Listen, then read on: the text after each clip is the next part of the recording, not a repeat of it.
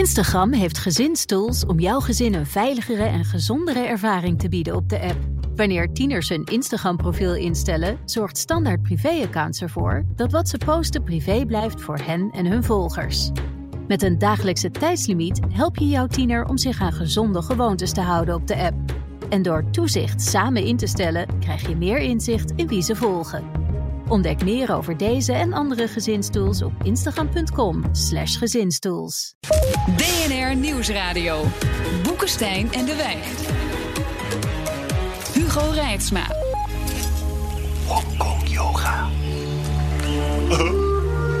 Welkom bij Hongkong Yoga. We warmen vandaag op met de stretchbeweging genaamd één land, twee systemen. Voel het rekken tussen die principes. Goed vasthouden zo, terwijl de oostelijke kant van je lichaam langzaam de westelijke kant overneemt. Het is helemaal normaal. Adem je democratie langzaam uit. Goed zo. Laat je vrije pers en rechtsstaat helemaal los. Voel dat totalitaire systeem steviger. Sluit de ogen. Adem in. Kin naar de borst. En dan bewegen we langzaam naar de positie van de socialistische eenpartijstaat.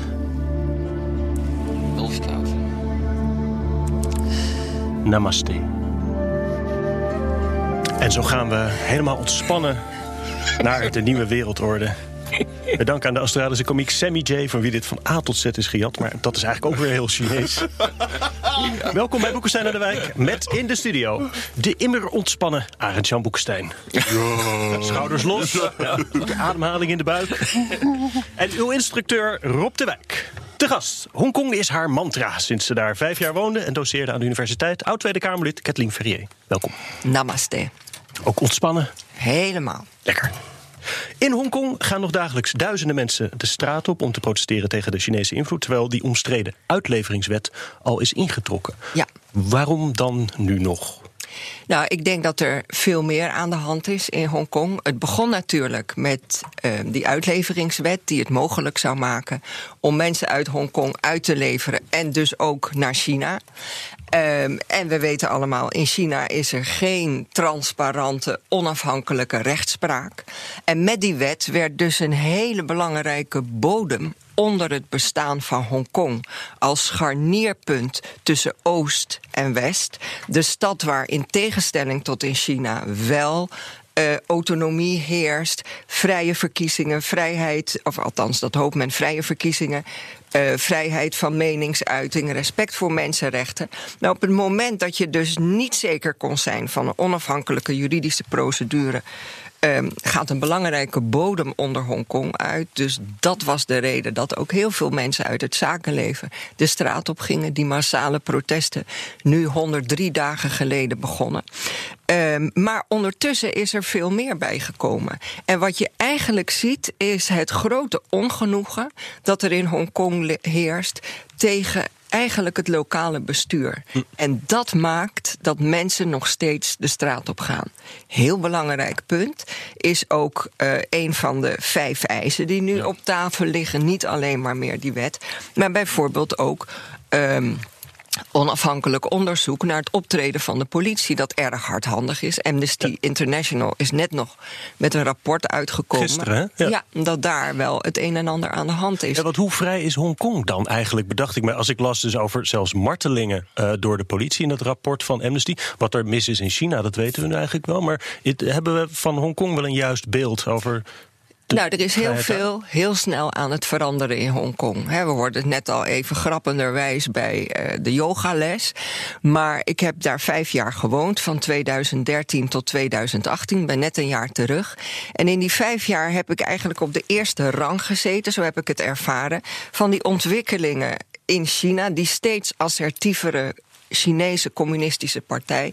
En hoe dat neerslaat in de regio rondom de South China Sea. Maar ook in een stad als Hongkong, mm uh, waar men garanties heeft gehad over de eigen autonomie. En hoe die garanties ehm, ja, sluipenderwijs volgens de typische tactiek van China, de sharp power.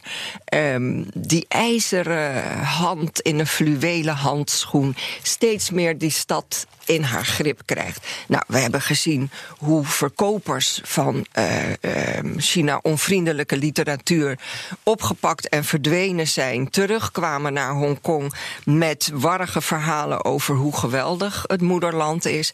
We hebben gezien dat democratisch gekozen politici hun zetel in het eh, parlement ontzegd werd, politieke partijen verboden, onafhankelijke journalist van de Financial Times het land uitgezet. Ehm, dus op die manier zie je dat die grip van China steeds groter wordt. Wat ik zelf heel interessant vind, het begon natuurlijk eigenlijk al begin deze eeuw. Toen in ehm, Hongkong iedereen verplicht werd om Mandarijn te leren. Ehm, en dat is natuurlijk al iets waarmee je aan het hart van Hongkong komt. In het zuiden van China spreekt men Kantonees. Nu werd Mandarijn verplicht. Er is wetgeving aangenomen waardoor iedere dag in Hongkong 150 mainland Chinezen zich mogen vestigen. Wij hebben in die dynamische stad gezien hoe binnen no time een, de, de langste zeebrug ter wereld uit de grond is gestampt. Van Hongkong naar Zhuhai, eh, nabij Macau op het vasteland. Er is een directe treinverbinding. One of the, eh, een van de speedrails vertrekt vanuit Hongkong. En de, de hele afhandeling daarvan gebeurt door Chinezen. Al deze verbindingen maken dat er steeds meer mainland Chinese invloed Maar we mogen ook niet vergeten dat die, eh, dat die status van Hongkong ook een tijdelijke is. Hè, Nee, is voor 50 jaar. 50 jaar, ja. Dus, eh, 2047. 47, ja. Ja. ja. 97 werd het land, eh, of werd de stad eh, onafhankelijk. Nou, het Eh, werd niet onafhankelijk. Nou ja, werd goed, ging- teruggegeven. Na inderdaad, helemaal 150 gelijk. jaar British rule Ja. werd het teruggegeven. Het werd onafhankelijk van Engeland, om, dat zou ik er nog achter zeggen. Van het koloniale is bewind. inderdaad eh, geïncorporeerd eh, eh, in China, maar eh, toen is dus het eh, één land, twee systemen Ja. eh, idee ontstaan. eh, en dat is op zich natuurlijk wel aardig, maar daar komt gewoon over een aantal jaar een eind aan. En ik heb ook het gevoel dat men toch probeert om dat proces te vertragen of een andere kant op te buigen. Ja, en voor China is het natuurlijk existentieel. Hè? Ik bedoel, stel je voor dat eh, Hongkong ze laten glippen... en dat het gewoon eh, Ja. vrij blijft. Dan zouden de Chinese burgers op het vasteland wel eens ook wel eens de, de wens kunnen uiten... van dat zouden wij eigenlijk ook wel willen. Als het daar kan, dan kan het. eh, nou, eh, China is voortdurend bezig ook Hongkong te laten zien. Kijk, je bent eigenlijk maar een vrij kleine Chinese stad die niet te veel pretenties moet hebben. Eh, maar daar staat tegenover dat mensen in Hongkong. eh, de- Zeggen van ja, wij hebben de garantie dat wij 50 jaar eh, een bepaalde autonomie Ja. mogen hebben. Kijk, Chris Patten, die natuurlijk de Britse vertegenwoordiger was, de gouverneur Ja. op het moment in 1997 dat. ehm, de stad werd teruggegeven aan, eh, aan China. Die zegt nu ook: ja, met de kennis van nu had ik toen veel meer moeten uitdiepen wat dan precies die democratische waarden zijn. Want ik ben het met jou eens, Rob, dit gaat echt geen 50 jaar duren. Nee, dat denk ik niet. Dat Maar het is dus eigenlijk wel een beetje volgens de afspraak. Het loopt een beetje vloeiend over in de nieuwe sneller. situatie. Nee, maar eh, kijk, als je dus gewoon kijkt, hè, eh, eh, de nieuwe assertiviteit van China, dat is absoluut een eh, feit. Naarmate het land krachtiger is geworden, zie je dat het land ja, eigenlijk veel meer speelruimte eh, vraagt en ook neemt in die internationale betrekkingen. En dat betekent eigenlijk dat het idee begint te ontstaan dat zeg maar voor de honderdste verjaardag van de Volksrepubliek in 2049 de Zuid-Chinese Zee onderdeel moet Ja. zijn van eh, China. Eh, Taiwan er weer bij moet eh, komen. De Senkaku-eilanden die betwist worden met, eh, met, Jap- met Japan. En dan Macau en, Ho- en, en Hongkong. Dus dan heb je zo tegen die tijd een totaal verenigd moederland of vaderland, hoe je het eh, zou willen noemen. En dat is toch denk ik wel een belangrijk doel wat hier, eh, hierachter zit. en, Dus en hoe moet het voor de 70ste verjaardag zijn? Want die is volgens mij volgende week ongeveer. 1 oktober, 1 oktober eh, is natuurlijk ook een heel belangrijk moment waarop eh, Xi Jinping, de president, gaat laten zien dat hij on track is om in 2049 Ja. China terug te brengen naar de rechtmatige plek Ja. die China in het hart van iedere Chinees heeft, namelijk in het midden van de wereld. Ja. Eh, in het Chinees eh, zeggen we eh, Tian Xia alles wat onder de hemel is, behoort aan China. Ja. En ja. de leider is Tianzi, de zoon van de hemel. Dus dat is eigenlijk wat wij, wij noemen, hebben het dan over de keizer, de nieuwe keizer. Maar keizer is nog een veel te simpel begrip voor datgene waar echt Xi Jinping Maar het aardige natuurlijk, hij heeft het ook totaal die marsroute uitgespeld Ja. in oktober 2017 17. tijdens het 19e partijcongres. Ja. Eh, eh, toen heeft hij gezegd in 2035, het is ook wel heel knap wat daar gebeurt hoor. Eh, dan wil ik de belangrijkste techmacht van de wereld zijn. En in 2049 wil ik precies dat zijn wat we zouden moeten zijn, namelijk nummer één in de Ja. wereld. Dan moet iedereen ondergeschikt eh En het eh, daar sterkste zijn. leger van de wereld. Ja. Nou ja, ze gaan al aardig in die richting op dit ogenblik. En wat je dus nu ziet, is dat China eh, manmoedige pogingen omdoen, om, eh, doet om zijn militaire footprint uit eh, te breiden. Dat, dat begint aardig te lukken, moet ik zeggen. Dus overal zie je op de wereld kleine bases ontstaan die van China zijn. Het is allemaal heel slim bedacht. En ehm, wat, wat, wat, wat ik probeer te benadrukken is... eh, we hebben het over China. Het is ook vooral de Chinese communistische partij. Hè, 90 Ja, miljoen zeker. leden, maar China is veel groter. Ja. 1,4 miljard inwoners. Ehm, en uiteindelijk, weet je, ehm, wat, wat, wat ik vooral bepleit... China is zoveel meer dan alleen die communistische partij. En of we het nou leuk vinden of niet... we moeten onze eigen agenda bepalen van hoe wij met deze steeds assertievere partij... Dus Hongkong is gewoon een lakmoestest. Daar komt het feitelijk ja. op neer. Laten we daar zo nog even verder Ja. dit, dit uitdiepen. Maar ik wil nog heel eventjes naar de situatie nu op straat. Hoe lang accepteert China voortgang van dit soort protesten? Het leger staat om de hoek klaar. Eh, ja, ik denk zelf niet dat eh, China met tanks gaat binnenrollen. Eh, dat zullen ze niet doen. Dat levert enorme internationale reputatieschade op. En daarmee zouden ze de kip met de gouden eieren, wat Hongkong natuurlijk toch nog is, zouden ze kwijtraken. En bovendien, China heeft zoveel andere manieren om druk uit te oefenen. Wat mijn studenten, ik sta in dagelijks contact met mijn studenten, collega's, vrienden eh, noemen eh, white terror, witte terreur. Dus het oppakken van mensen, het eh, druk uitoefenen door inderdaad eh, hardhandig optreden eh, van de politie, maar ook gewoon door het bedrijfsleven onder druk te Cathay zetten. Pacific is een We- prachtig voorbeeld. Ja. Hè? Daar zijn ontslagen gevallen alleen maar omdat medewerkers op, Ja.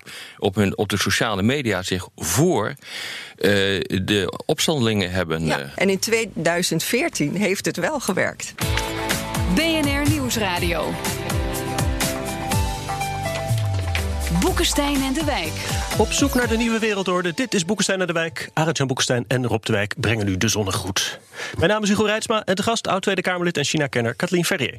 En we waren net begonnen bij eh Cathay Pacific. Ik geloof dat Ja. de KPMG en Deloitte zijn ook al Ja, onder druk gezet. hè? natuurlijk. Die Iedereen- economische Ja. eh, machtssysteem zie je daar Mijn- duidelijk aan ja, het werk. In 2014, eh, toen de paraplu-beweging gedurende 79 dagen het financiële hart van Hongkong bezet hield. Studenten waren bij de dat verkiezingen, vooral. Ja. ja. ja.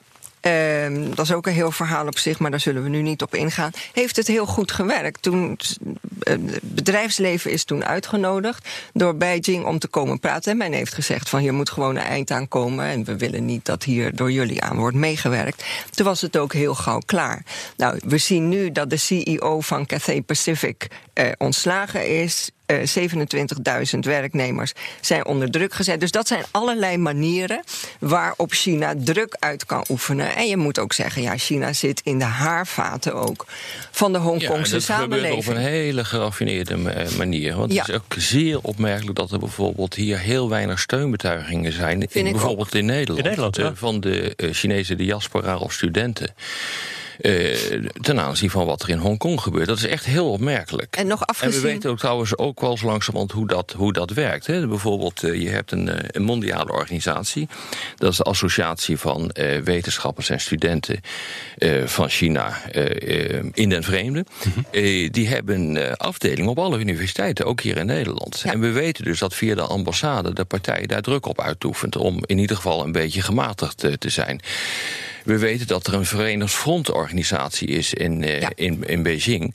eh, die eigenlijk die diaspora onder, eh, ja, nou onder de duim houdt kun je niet zeggen, maar in ieder geval zo stuurt dat uh, ze geen lullige dingen gaan zeggen over wat er gebeurt in Beijing, over de partij en wat er in Hongkong uh, gaat, uh, gaat gebeuren. We hebben de Confucius-instituten die zich houden aan ja, de lijn.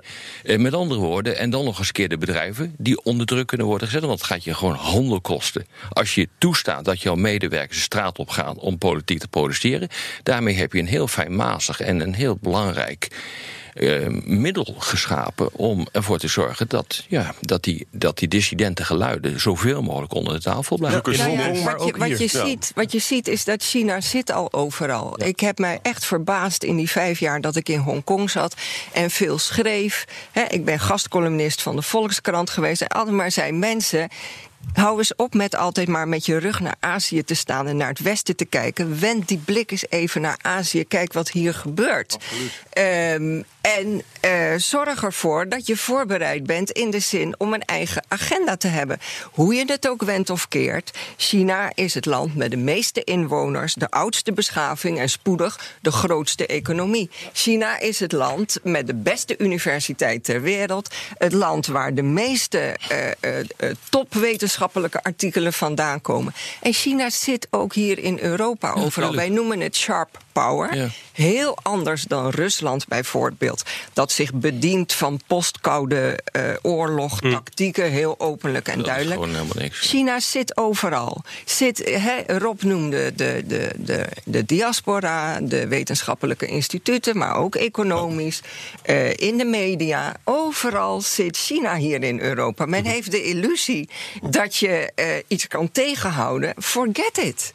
En wat ik belangrijk vind, en daarom zeg ik ook mensen, kijk naar wat er in Hongkong gebeurt. Het is de voorfront ja. van hoe een steeds assertievere ja. communistische partij omgaat met zeg en, en maar die nieuwe zijderoutes, democratische die, die Belt, dat Belt and Road initiatief is echt een geweldig instrument om dit te gaan uitrollen. Ja. Dus daarmee creëer je eigenlijk economische afhankelijkheden eh, tussen China en landen die langs die zijderoute liggen. En dat is een fantastisch middel ook om dat uh, te doen. China heeft eigenlijk een briljante buitenlandse politiek als je erover nadenkt. Hè? Mm. Onze zwakke plek is natuurlijk dat wij altijd geld willen verdienen. nou, Hongkong is ongelooflijk belangrijk, dus ze doen het nu via de bedrijven. Tuurlijk. De tweede, militair doen ze het ook hartstikke slim. Hè? Amerika heeft natuurlijk een waanzinnig uh, veel geld gegeven uit aan, uh, aan een grote krijgsmacht. Maar één vliegdekschip kost een miljard, hè? dat is ja. ontzettend duur. Nou, ze hebben gewoon raketten. En de Amerikaanse generaals geven ook toe dat die raketten eigenlijk het onmogelijk maken voor de Amerikanen om militair nog veel daaruit te halen. Hè.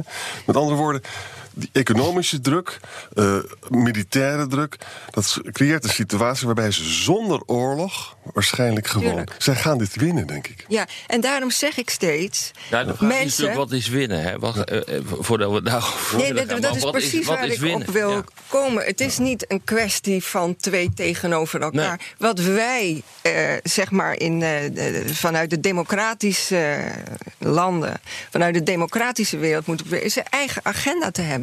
Van hoe gaan we hiermee om? welke waarden zijn voor ons hier in democratische landen van belang. Hoe willen we die beschermen? En ik bepleit heel erg dat we uh, in gesprek gaan daarover. Maar bijvoorbeeld de mondiale instituties, neem de Wereldbank en het IMF. He, uh, op toerbeurt een Europeaan of een Noord-Amerikaan.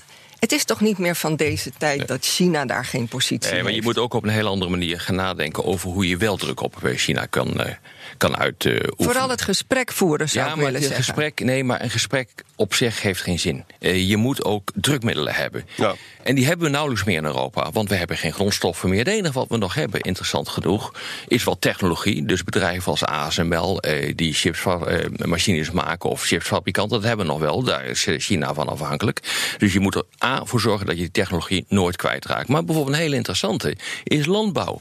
We zitten hier in Europa te praten over het braak laten liggen van landbouwgronden. We weten tegelijkertijd dat China een gigantisch probleem heeft. Het is 20% van de wereldbevolking en 9% van de landbouwgronden. En die slinken ook nog een keer door, uh, door verwoestijning en door uh, vervuiling.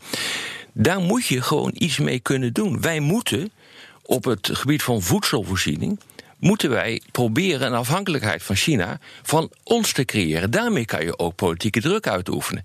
Dat spel, dat spelen we absoluut niet. En dat begrijpen we ook niet meer hoe we dat moeten doen. En dat heeft te maken met het feit dat wij hier in dit deel van de wereld altijd de machtigste zijn geweest. En nooit met zo'n spelen te maken hebben gehad. Ja, dat is precies de grote uitdaging. Men denkt hier met de eeuwige eurocentrische bril op dat wij de mondiale maat zijn. En dat zijn we echt niet meer. Nee. Ik ben met je eens. Je moet nadenken op. Hè, ik vind punt 1, je moet het gesprek aangaan, ook over waarden. En nogmaals, China is meer dan Ja, de maar communistische... waarde en macht zijn twee zijden ben van dezelfde medaille. Ben ik Ja. met je eens. Je moet wisselgeld hebben. Eh, eh, Dat vind ik interessant. Weet je, mensen zeggen, zeggen heel vaak van eh, democratie, dat is iets westers, dat is niet universeel en dat, je moet er helemaal niet over praten. Wat zien we nou? We zien in Hongkong dat er mensen wel degelijk mensenrechten belangrijk vinden, onafhankelijk rechten belangrijk vinden. In Rusland zien we hetzelfde overigens. Hè. Waarom mag Oekraïne geen succesvolle democratie worden? Dat is een directe bedreiging voor Poetin. Met andere woorden, behalve dus dat je handelspolitiek een wapen moet ontwikkelen, moet je toch ook serieus gaan denken. China is dood en doodsbang voor die demonstranten. Want die zijn namelijk wel degelijk willen ze. Je, je, je slaat de spijker op zijn kop. Als die lui ergens bang voor zijn, zowel in het Kremlin als in dat stukje van de verboden stad waar eh, de Chinese leiders zitten. Dan is het wel eh, dat de boel uit elkaar klapt en dat daar processen op gaan komen die ze niet kunnen controleren. En eh, als je dat slim doet, en daar eh, wordt natuurlijk wel over nagedacht hoe je dat moet doen, ja, dat is echt een grote uitdaging hoor. En daarom is het ook eh, te hopen dat eh, hè, die waarden waar wij voor staan, en die niet alleen door ons, maar ook in Hongkong en op zoveel Zeker. plekken in de wereld waar mensen voor opkomen, dat wij daar een plan voor hebben, een agenda voor hebben van hoe gaan wij die waarden beschermen. En inderdaad, eh, mensen in Hongkong. Eh, bijvoorbeeld ook steunen. Ja. Ik bedoel. eh, Door de invloed niet al te groot te laten worden in een deel van de wereld genaamd Europa. En dat gaat natuurlijk nu ook gebeuren met eh, eh, de eis die er gaat komen, ook in een land als Nederland, om buitenlandse investeringen te screenen. Ja. Eh, dus je kunt dan niet meer zo ongeklausuleerd en ongelimiteerd allerlei dingen gaan kopen hier in eh, dit deel van de wereld. Of ervoor te zorgen dat de, eh, kritische technologie niet meer zonder meer wordt afgevoerd naar, naar China. En om te vragen voor reciprociteit, oftewel wederkerigheid.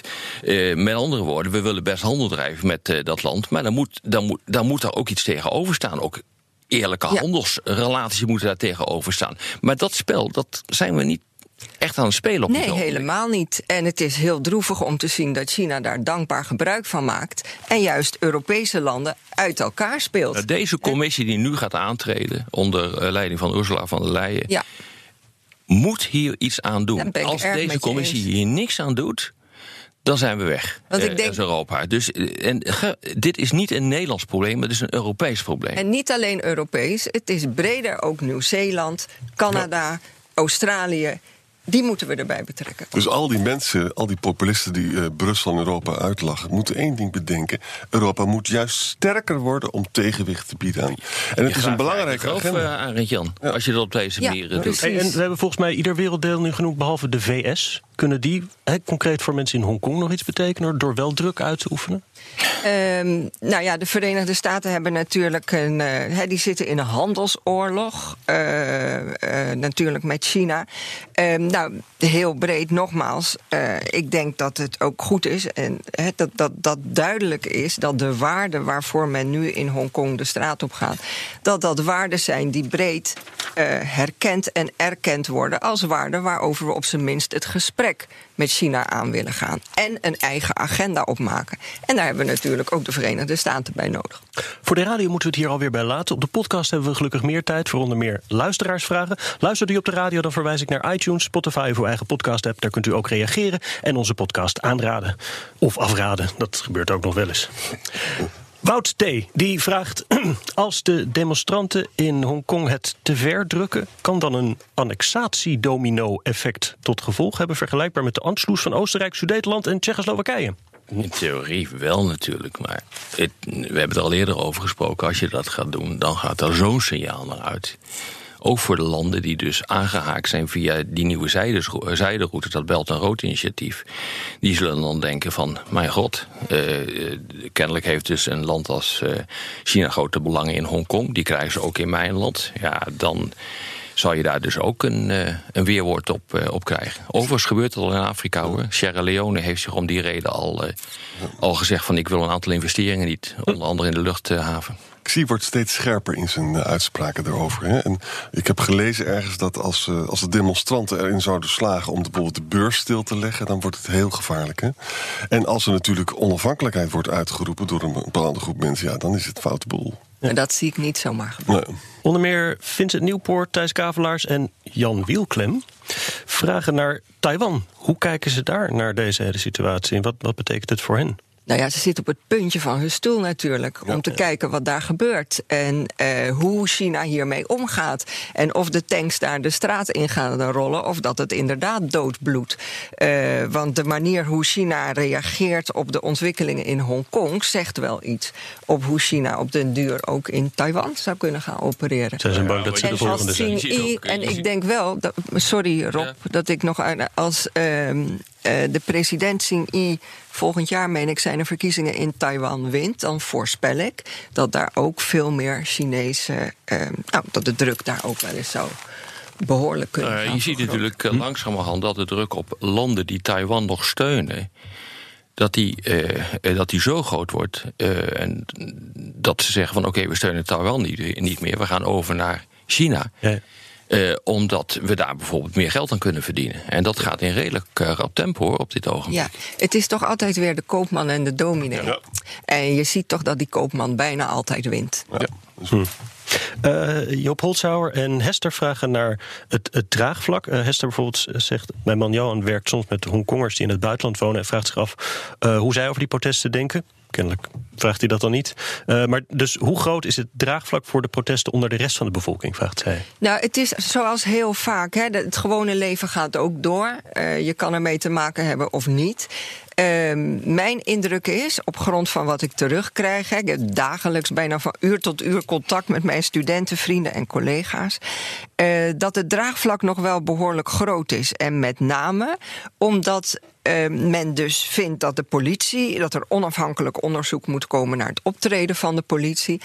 En eh, omdat uiteindelijk ook dat ongenoegen met het lokale bestuur dat niet luistert naar wat men wil, dat dat heel groot is en heel breed gedragen wordt. En ook wat dat betreft vind ik dat er een belangrijk signaal uitgaat van deze protesten. He, van kijk, als je niet luistert naar wat er leeft in een bevolking, dan kan je dit zomaar verwachten.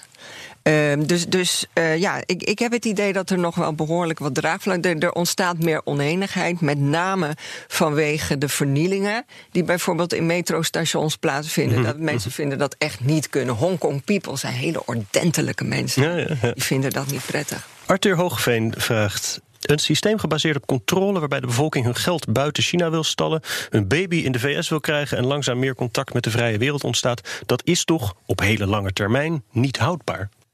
Ja, maar de vraag is of dit, of dit. Juiste, een juiste beschrijving is van de situatie. Het, wat ik heel erg opmerkelijk vind, is dat uh, ongelooflijk veel uh, studenten uit China in Amerika of in Europa studeren en vervolgens weer teruggaan. Hm. Dus uh, daar is ook een, een groot draagvlak voor deze koers die gevaren wordt. En het is absoluut niet zo dat de Xi Jinping en zijn consorten in het Centraal Comité van de partij allemaal gehaald worden. Uh, het is een low-trust-maatschappij, dat weten we, maar vooral op het lokale niveau. Waar je allerlei potentaten hebt en die corrupt zijn. Maar door de bank genomen wordt de centrale regering nog eigenlijk wel best ja. goed gesteund. Nou, ik wil dat heel erg onderstrepen. Het valt mij op dat heel vaak gezegd wordt: ja, als de middenklasse in China gaat groeien, ja, als mensen ook. hun kinderen naar het buitenland sturen, dan komt het verlangen naar democratie. Ja, onzin. Dat is weer die mondiale maat die men hier denkt te hebben. Het is helemaal niet zo. Het gebeurt daar helemaal niet. En eh, ik ben het erg met je eens. Altijd maar denken dat iedereen wil worden zoals wij, is er ernstige misvat. Ja, maar dat betekent dus ook dat dat heel veel voor onszelf gaat eh, betekenen. Dat betekent dat je eigen waarde centraal moet stellen, net zoals de Chinezen dat eh, doen. En die moet je niet losmaken. maar dat betekent wel, losraken, maar dat betekent dus wel dat je die waarden niet meer kan gebruiken als echte doelstelling in het buitenlands beleid. Je moet ze verdedigen. Maar het is echt een flauwekul wat we de afgelopen decennia hebben gedaan. Dat je waarde gebruikt als exportartikel. Daarvan moet je gewoon constateren, dat werkt niet naar een land als China.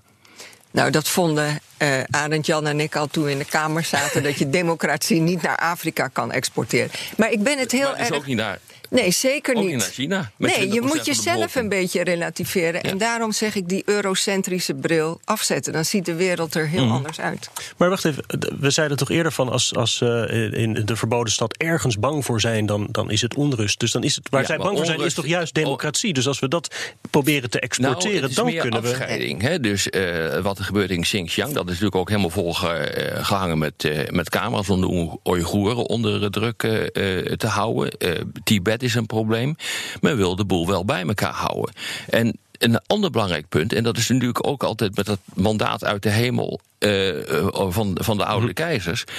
Op het moment dat je als, eh, als leider geen welvaart en veiligheid weet te brengen in het, eh, in het land, dan klapt dat sociale contract in elkaar. Dus het is ook zeer belangrijk eh, dat die groei door blijft te gaan en dat de mensen merken dat ze er beter van worden. Gebeurt dat niet meer, ja, dan zou de boel kunnen klappen. Maar dat heeft dus weinig te maken met democratie en vrijheid. Maar het, En- maar, het, en- maar het is heel genuanceerd. Het is eigenlijk twee lagen. Aan de ene kant heb je dus de, de Chinese droom. Hè. Dat gaat allemaal terug naar de vernedering van China in, in het begin van de 19e eeuw. Heel veel Chinezen steunen dat. En wij- Nou is het onze beurt. En dat Westen moet maar eens even een toontje lager zingen. Aan de andere kant is het ook zo dat in Hongkong, maar zeker ook in Taiwan, maar ook wel bij de Chinezen. Ja, mensenrechten zijn nog niet helemaal onbelangrijk. Dus daar, daar zijn ze toch kwetsbaar. Dus het is, met andere woorden, volgens mij moet je dus een buitenlandse politiek hebben dat zowel vanuit de positie van kracht opereert, maar ook wij moeten ook gaan nadenken over waarden. Want het is niet zo dat onze westerse waarden totaal niks betekenen daar. Natuurlijk niet. En het, Ja. daarom is het juist zo belangrijk dat we samenwerking zoeken. Ja. En ons niet uit elkaar laten spelen. En, maar ook samenwerking zoeken om een relevante gesprekspartner te zijn voor China. En ik ben heel erg met Rob eens.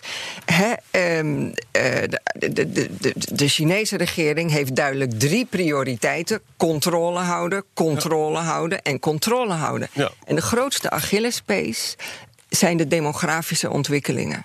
Als gevolg van de een-kindpolitiek, vergrijzing. eh, vergrijzende samenleving, Ja. overschot van 30 miljoen mannen. Ja. Ehm, en daar, daar zitten gevoelige punten waarvan ik denk dat ook in een gesprek over waarden wij ook veel te bieden zouden hebben aan China. Ik vind dit een mooi eh, einde. In, in alle rust. Dit was weer Boekenstein uit de Wijk. We gaan nog even door met een paar ademhalingsoefeningen. Nou, we Jan Boekenstein en Rob de Wijk, zeg ik. Dank voor het luisteren. Speciale dank aan Kathleen Ferrier. En tot volgende week.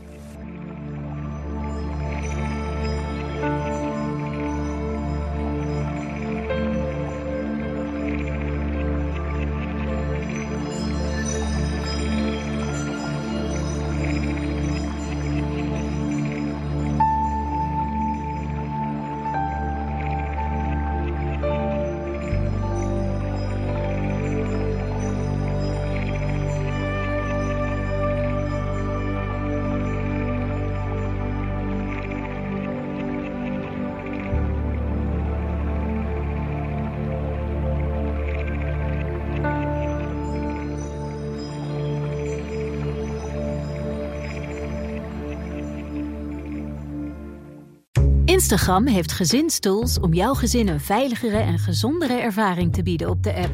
Wanneer tieners hun Instagram-profiel instellen, zorgt Standaard Privé-accounts ervoor dat wat ze posten privé blijft voor hen en hun volgers. Met een dagelijkse tijdslimiet help je jouw tiener om zich aan gezonde gewoontes te houden op de app.